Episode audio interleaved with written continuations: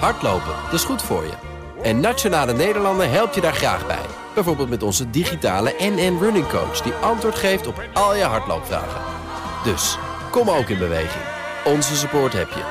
Kijk op nn.nl slash hardlopen. BNR Mobility wordt mede mogelijk gemaakt door ALD Automotive en BP Fleet Solutions. Today, tomorrow, together. BNR Nieuwsradio. Mobility. Meindert Schut en Nout Broekhoff. De onbelaste kilometervergoeding is uh, op 1 januari verhoogd van 19 naar 21 cent. Ja. Jippie Maar dat betekent niet dat we hem ook echt allemaal krijgen. Nee, het gros van de zakelijke rijders krijgt nog steeds veel te weinig vergoed, blijkt uit een nieuwe peiling. Uh, je hoort er straks veel meer over. Maar we beginnen met het Amsterdamse havengebied. Daar is een gigantische logistieke hub neergezet... waarvan uh, Daan een aanzienlijk deel van de stad bevoorraad kan worden.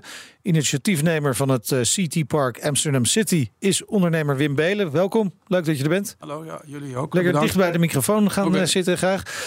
Belen uiteraard bekend van het gelijknamige afvalsloop- en recyclingbedrijf. Hè? Ja. Zo is het ooit begonnen. Uh, dat is een van de bedrijven die ik ja. ook gebouwd heb. Ja, ja. precies. Uh, hoe is het idee voor deze, wat we ook wel zouden kunnen zeggen, volgens mij heet het het begin ook zo, de XXL City Hub? In mijn vorige carrière kreeg ik vaak uh, fabrieken aangeboden. Of ik, deze las ik toevallig in het Financieel Dagblad. En dan uh, zie je dat de fabrieken gaan sluiten. En ja. uh, dan zoek je contact. En daar, zo heb ik deze locatie gekocht. En wat ik leuk vind is om iets te kopen wat aan het water is. Dat geeft me inspiratie. En uh, voorts ga je dan per locatie kijken wat je er zou kunnen doen.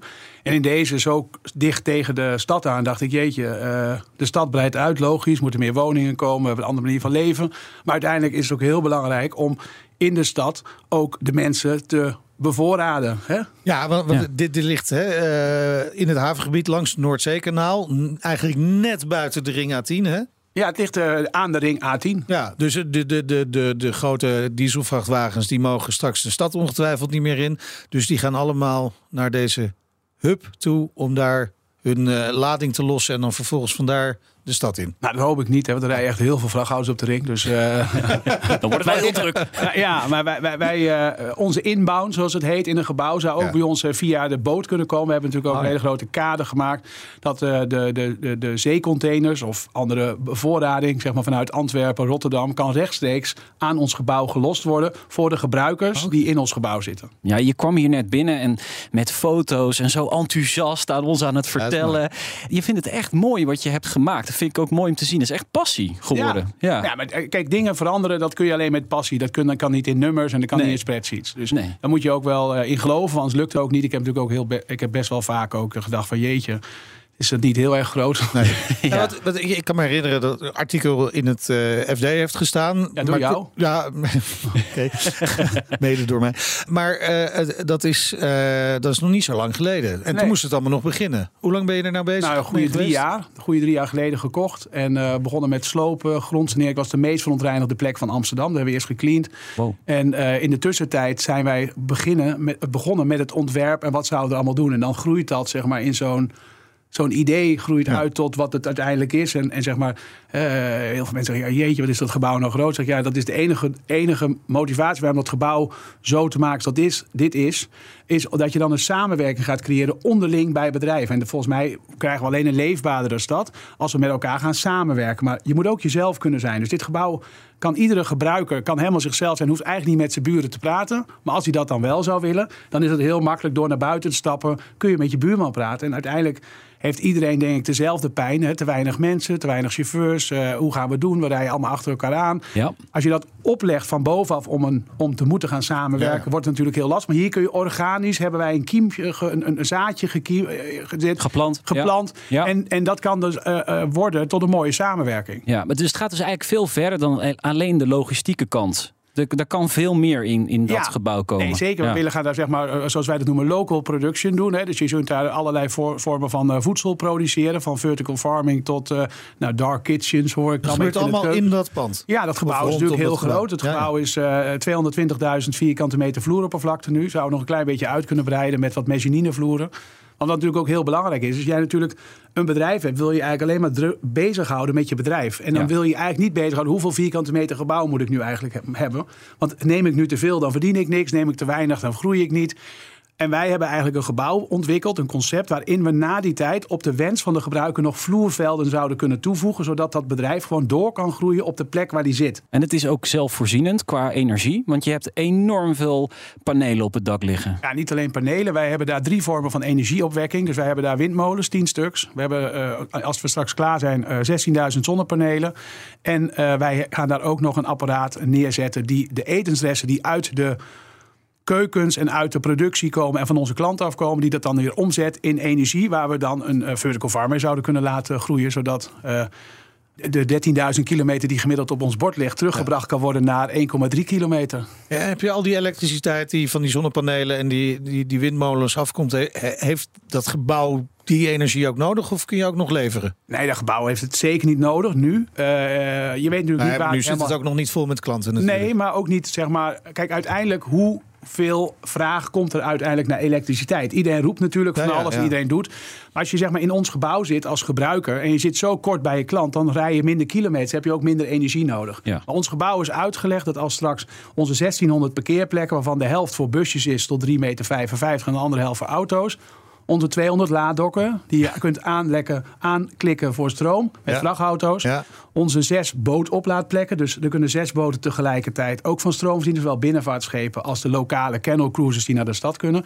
En het snellaadplein voor vrachtauto's waar 12 vrachtauto's tegelijkertijd kunnen laden. Als dat eigenlijk allemaal in gebruik is, ja. dan hebben wij genoeg stroom. En wij hebben om ons, eh, eh, om ons gebouw heen, eh, daar kunnen wij ook nog eh, batteries aanklikken. Dus eh, gewoon tot 15 eh, megawatt batteries aanklikken. Zodat wij op de dagen, Al- op de momenten, het precies. stroom ook nog zouden kunnen inkopen als het niks kost. Ja. Of het kunnen storage als we het eh, zeg Ja. maar eh, niet nodig Als het hebben. in de zomervakantie rustig is op de, op de, op de hub eh, en de zon schijnt hard, dan sla je het dus op in de batterijen. Ja. Ja. Ja. En Amsterdam daarvan voorzien, of een andere stad. Nou ja, wat super grappig is, is wij zijn sinds twee weken, hebben, of twee weken geleden hebben we de eerste oplevering gehad van het gebouw. Dus dat gebouw gaat nu heel langzaam in gebruik. We hebben nog niet alle windmolens op het aangeschakeld, nog niet alle zonnepanelen, nog niet alle batteries. Maar we hebben toch al in een kleine twee weken hebben we eh, bijna 150 megawatt eh, eh, stroom geleverd aan de klanten. Dus eh, ondanks dat nog niet alles in gebruik is, was onze beste dag, en het is eigenlijk nog niet zo goed, eh, hadden we al een kleine 10 megawatt opgewekt. Vandaag is het topdag. Nou, Ja. Het waait hard en de zon schijnt. Ja, ik denk dat we vandaag niet ook door de beter. 10 heen gaan. Ja, ja. Ja, mooi. Wij zijn een mobiliteitsprogramma. Dus welke vormen van mobiliteit komen nou eigenlijk allemaal bij elkaar daar? Nou, eigenlijk alle vormen van mobiliteit. Dus je moet het zo zien, ons gebouw eh, ligt op een landtong. En die landtong is dus verbonden aan het water. Dat is Ja. een vorm van mobiliteit. Voorts eh, ligt ons eh, gebouw aan het fietspad. En eh, de fietsen kunnen straks kruisingsloos van ons gebouw de stad bereiken. Dus de bakfiets en de gewone fietsen. Dan liggen we natuurlijk ook gewoon aan de openbare weg. Eh, en we liggen net naast, langs de heliroute. Dus we kunnen straks ook met drones kunnen we gewoon de stad gaan beleven. En ons gebouw is zo uitgerust, ook met betonnen daken... dat die drones ook allemaal gewoon perfect kunnen landen. En dat dat alles kunnen. Dus het is eigenlijk een beetje te land, te zee en in de lucht. Ja. En dan via CTP Park Amsterdam City. In hoeverre eh, gaat dit Amsterdam nou ontlasten? Nou, alleen je? dit gebouw is natuurlijk een eerste vorm van oplossing. Maar wij zouden het eh, prachtig vinden als in Zuidoost ook zo'n soort gebouw komt. En ergens eh, bij de RAI ook nog. En eh, dan zou je een, gebouw, een stad redelijk kunnen gaan ontlasten. Want het, het ontlasten is niet alleen het gebouw, maar het gaat ook vooral om het minder transportbeweging Juist. creëren naar de stad. Ja. Nou, en wat wij dus willen, daar zijn we nu ook heel goed met de gemeente in gesprek. Eh, De gemeente Amsterdam is eh, eh, zich wel bewust van hun opgave om een leefbare stad te maken. En wij hebben ook echt wel alle medewerking nu van de gemeente om ook in de stad wat losvoorzieningen te maken. Om zeg maar, met een soort, noem het een steltrein met boten naar de stad te varen. En dan vanaf een ponton waar we onze goederen kunnen lossen, dan daar op de meest mobiele manier efficiënt de stad gaan beleven. En dan wordt het wel echt dat er veel overheen kan. Hoe, hoe lang gaat het duren? Hè? Want het is eh, fantastisch hè, als eh, de, de stad ook bevoorraad gaat worden met eh, batterij-elektrische boten. Maar als ik mijn kennissen hier in de stad hoor die een boot hebben. Er is één ding waar ze over klagen. Als ze straks naar elektrisch wordt, er kan nergens laden hier in Amsterdam. Ja, maar het is een beetje Nederlands eigen om altijd te klagen. Maar is Nederlands het ook een beetje dat Amsterdam Ja, A nee. zegt, maar B doet? Nee, nee, dat is niet helemaal zo. Ik, kijk, ik heb ook wel zit ik in die, in die gedachte in, het, eh, in deze ontwikkelingen. Toen ik drie, eh, goed drie jaar geleden bij de stad kwam, hadden ze, zei ik, joh, ik ga het gebouw bouwen. En als jullie nou zorgen voor de losplekken en voor de infrastructuur, eh, dan gaat dat lukken. Nou, de stad heeft inmiddels drie losplekken voor onze boot geregeld. De infrastructuur moet de haven aanleggen. Die moet nog een tunneltje doen. Dus die 400 meter asfalt is eh, moeilijker dan 220.000 meter gebouw bouwen. Maar de stad, moet ik je eerlijk zeggen, is daar best eh, bedreven in. En er komt nog bij dat jullie moeten, wat wij met z'n allen ons onder, eh, onderschat is. Kijk, de gemeente Amsterdam is groot. Er zijn heel veel creatieve ondernemers die willen allemaal hun moment hebben. En die denken allemaal moeten ze naar die mensen van de stad. Maar ja, met wie moeten ze nou nog serieus praten? Ik bedoel. Eh, ooit vertelde een vriend mij, die zei Wim, eh 99% van de plannen die in de krant staan, die komen er nooit. Want, en de plannen die er wel komen, staan niet in de krant. En, Ja. eh, het- dat is voor de stad ook een hele moeilijke Maar afweging. heb je dat dan ook gemerkt dat mensen toch wel sceptisch waren nadat ze dat artikel in het FD lazen van ja, ja, eerst zien dan geloven? Nou ja, zeker. En dat wordt al gedaan door de vastgoedwereld zelf. Want ik bedoel, dat zijn de vastgoedmannen. Ja, ja. Nou ja, ik zeg altijd, een vastgoedman heeft al honderd keer hetzelfde gedaan. Nou klopt, ik ben dat niet. Nee. Dit is de eerste. Ja. Maar nee, die sceptie is er ook. Alleen bij de gemeente eh, stonden ze toen eh, te kijken, gaat hij het doen? Nou, je merkt dat ze heel lang nadenken, gaat hij het ook echt doen? Nou, ik zeg dan altijd, gemeente, dat is de spiegel van jullie eigen ziel. Hè, ik bedoel, Ja. eh, dat zouden zij dan niet doen. Als ik het zeg, dan Ja. doe ik het ook. Ja, ja. En nu het er staat, ja, ik moet je eerlijk zeggen, ben ik eh, positief verrast voor de, de motivatie die ze dan toch willen doen. Want ook bij de gemeente werken natuurlijk leuke mensen. Eh, eh, eh, ook wel niet leuke natuurlijk. Zoals Ja, overal. ja, Zoals maar, overal. is overal. Maar kijk, en ondernemers klagen wel altijd dat er iets niet kan. Ja. Maar Ik zeg als ondernemer, wij hebben dit in drie jaar gebouwd.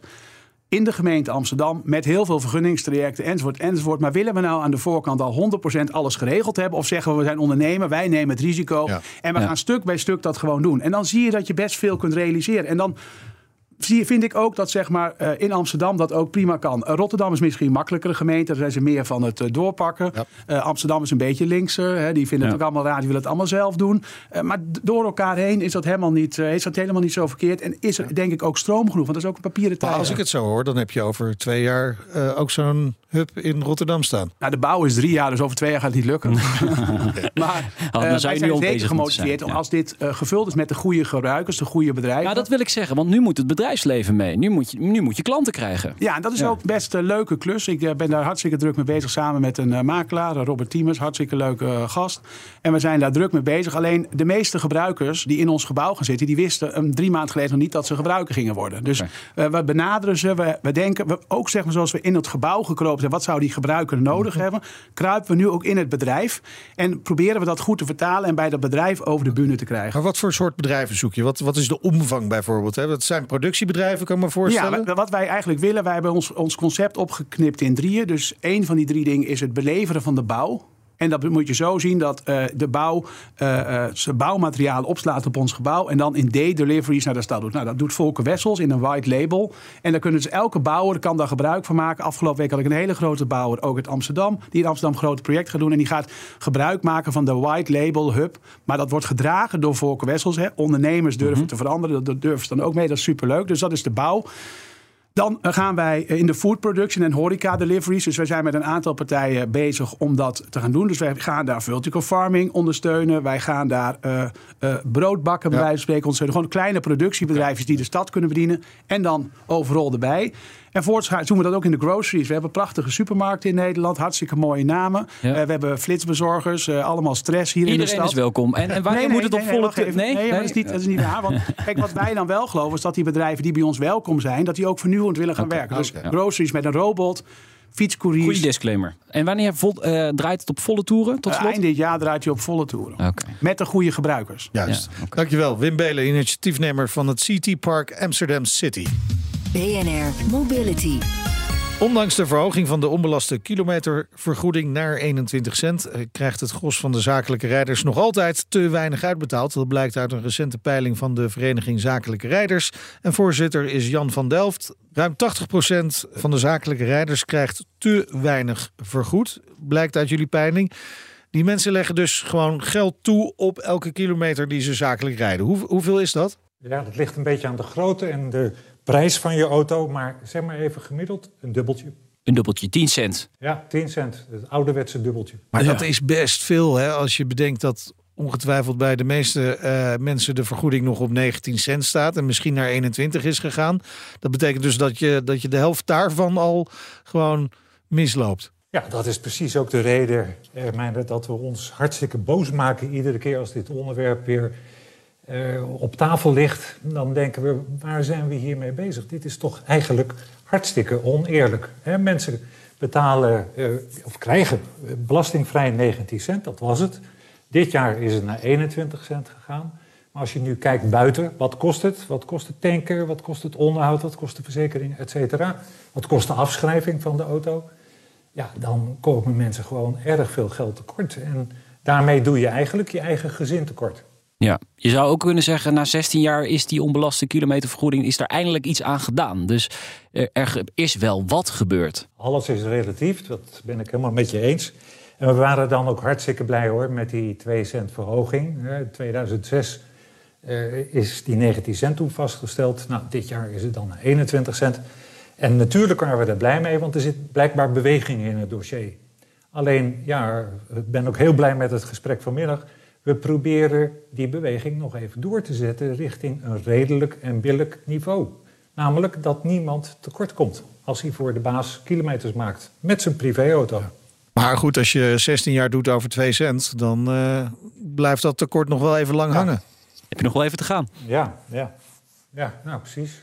Ja. ja. Ik hoop dat ik het volhoud. Ja, mijn pacemaker doet het goed. nee, maar, dus ja, nee, maar een verhoging kost natuurlijk ook de schatkist geld. En uh, ik las laatst een cent kost gewoon 100 miljoen. Dus ja, het moet ergens vandaan komen. Is dat het wel waard? Ja, maar moet het dan uit de portemonnee van privéhuishoudens komen? dat is de vraag. En wij vinden absoluut van niet. Want die auto, die wordt, daar krijg je een kilometervergoeding voor wanneer je hem zakelijk gebruikt. Mhm. Dus voor je baas ga je naar afspraken. Voor je baas ga je naar meerdere afspraken. En ja, iedere keer, eh, het is maar goed dat de meeste mensen dat niet thuis vertellen, kom je dus per kilometer zwaar tekort en doe je eigenlijk een greep in de kas. Ja. Je zou kunnen zeggen, dit stimuleert mensen natuurlijk ook om op een andere manier te gaan reizen. Hè? Moeten ze altijd die auto pakken voor die zakelijke kilometers? Uh, of zouden ze het ook op een andere manier kunnen doen? Ja, als je in de stad zit, kan je het op een andere manier doen. Ja. Dat is easy. En dat gebeurt, dat gebeurt ook hartstikke goed. Maar het zijn met name die mensen die niet in de stad wonen. En dat zijn er best wel veel in Nederland hoor. Mag ik een goed voorbeeld geven? Mm iemand in het onderwijs werkt in de, in de ambulante dienst en heeft meerdere afspraken uh, op een dag in de omgeving van zijn vestigingsplaats, van zijn woonplaats. Nou, die gaat, uh, als ik even een mooi voorbeeld neem, dat is echt een voorbeeld uit de praktijk. Die woont in Leusden, die moet naar Barneveld, die moet naar Nijkerken, die moet naar Vianen. Nou, als je dat op de, met het openbaar vervoer gaat doen, ja. laat staan op de fiets, ja, dan is dat gewoon niet te doen, joh. Nee. En dat zijn er best veel, hoor. Ja, nee, precies. En natuurlijk zijn er ook altijd dat soort voorbeelden te vinden... Hè, waarbij het echt niet kan. Maar zo zijn er ongetwijfeld ook heel veel voorbeelden te vinden... waar mensen het eigenlijk wel zouden kunnen. Hè. Zou je daar niet veel meer maatwerk op moeten gaan leveren... en gewoon kunnen zeggen van... hé, hey, als je niet met de auto hoeft... ja, jammer joh, maar dan gaan we ook gewoon niet betalen. Ja. Nou, ik vind dat redelijk en billig. Nogmaals, binnen de stad, binnen de stadsgrenzen. Als je echt een alternatief hebt wat in veel gevallen zelfs een slimmer alternatief is dan die auto maar te nemen. Maar op het moment dat je echt naar buiten gaat, maar 20, 30 kilometer moet maken voor je baas, ja, op dat moment is er gewoon geen reëel alternatief nog. Maar nog even één punt. Die mhm. werkgevers zijn er steeds, steeds bewuster van. Hè? Iedereen is heus wel eh, zich bewust eh, van dat die kilometers beperkt moeten worden. Ook uit kostenoverwegingen van de baas. Maar als het moet, ja, dan moet het, want je moet klantcontact onderhouden. Er moet net eventjes dat pakketje afgegeven worden. Nee, snap ik. Um, maar het is ook niet zomaar even geregeld. Het is niet zo dat ik nu even naar mijn leidinggevende loop en zeg... nou, ik wil gewoon 25 of 30 cent voor mijn zakelijke rit krijgen. Dat moet ook geregeld worden, uh, vaak in cao's. Dus dat, daar gaat best wel wat tijd overheen ook. Daar gaat zeker veel tijd overheen. Hè? Ongeveer 60% van de Nederlanders werkt bij een MKB-bedrijf, dus een midden- en kleinbedrijf. En uh, ja, daar is vaak niet een ondernemingsraad. Uh, de CAO vindt landelijk uh, plaats, als er al een CAO is. Dus wat rest je dan? Ga met je baas in gesprek. Dat is ook wat wij onze leden iedere keer zeggen. Ga met je baas in een normaal gesprek. En laat even je kosten zien.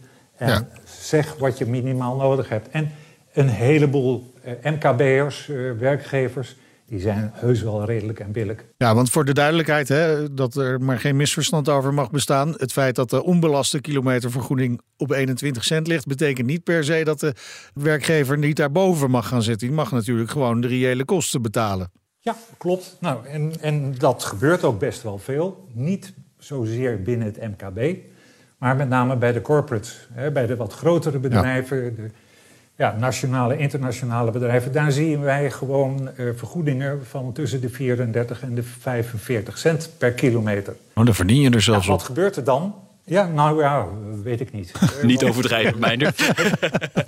nee, niet te enthousiast. Het is ja, jammer, ja, jammer. 21 cent krijg je belastingvrij. Het meerdere wordt dus gewoon belast. Ja. Dus dan, dan kan je uh, zeggen van nou, dat is mooi, ik krijg 41 cent. Maar dat betekent dat je dus 20 cent belast uh, wordt. Ja. Uh, en dat is, nou, zeg maar eens even de helft. Je houdt er dus netto een dubbeltje aan over. En dan kom je aan die 31 cent van ons. Dus ja. op zichzelf is dat helemaal niet verkeerd. Nee. Maar ja, uh, je moet wel met je baas in gesprek. Dat is zeker zo. Jullie strijd in Den Haag gaat ook door voor een hogere kilometervergoeding.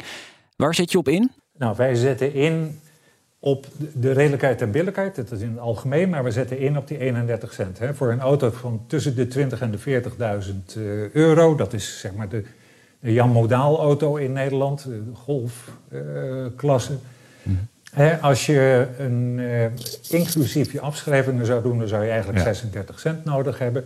Maar ja, 31 komt dan echt wel een end in. Ja, maar Jan, afgelopen 16 jaar is er 2 cent dus bijgekomen. Dat gaat natuurlijk nooit lukken naar 31 cent. Het moet realistischer. Het, het moet realistischer. En dat realistisch ben ik helemaal met je eens hoor. Dat is die 31 cent. Want dat ben je gewoon echt kwijt. Je kan je linksom rekenen, rechtsom rekenen. Wij hè, werken ook samen met het Nibud en de AWB om, om die sommen te vergelijken. Je, er is geen spel tussen te krijgen. Dus dat is heel realistisch. We zullen dus het besef van realisme in Den Haag tussen de oren moeten krijgen. Heel veel succes daarmee. Jan van Delft, dankjewel. Voorzitter van de Vereniging Zakelijke Rijders. Dit was BNR Mobility. Terugluisteren kan via onze website, via de app, Apple Podcast, Spotify of ja, elk gewenst podcastplatform. Ja, vergeet je vooral niet te abonneren. Heb je nieuws of andere verhalen voor ons? Mail naar mobility.bnr.nl. Ik ben Meijnerd Schut. Ik ben Oud Broekhoff. Tot volgende week. Doei. BNR Mobility wordt mede mogelijk gemaakt door BP Fleet Solutions en ALD Automotive. ALD Automotive. Ready to move you. Business Booster. Hey ondernemer, KPN heeft nu Business Boosters. Deals die jouw bedrijf echt vooruit helpen. Zoals nu, zakelijk tv en internet, inclusief narrowcasting... de eerste 9 maanden voor maar 30 euro per maand. Beleef het EK samen met je klanten in de hoogste kwaliteit. Kijk op kpn.com slash businessbooster. Business Booster.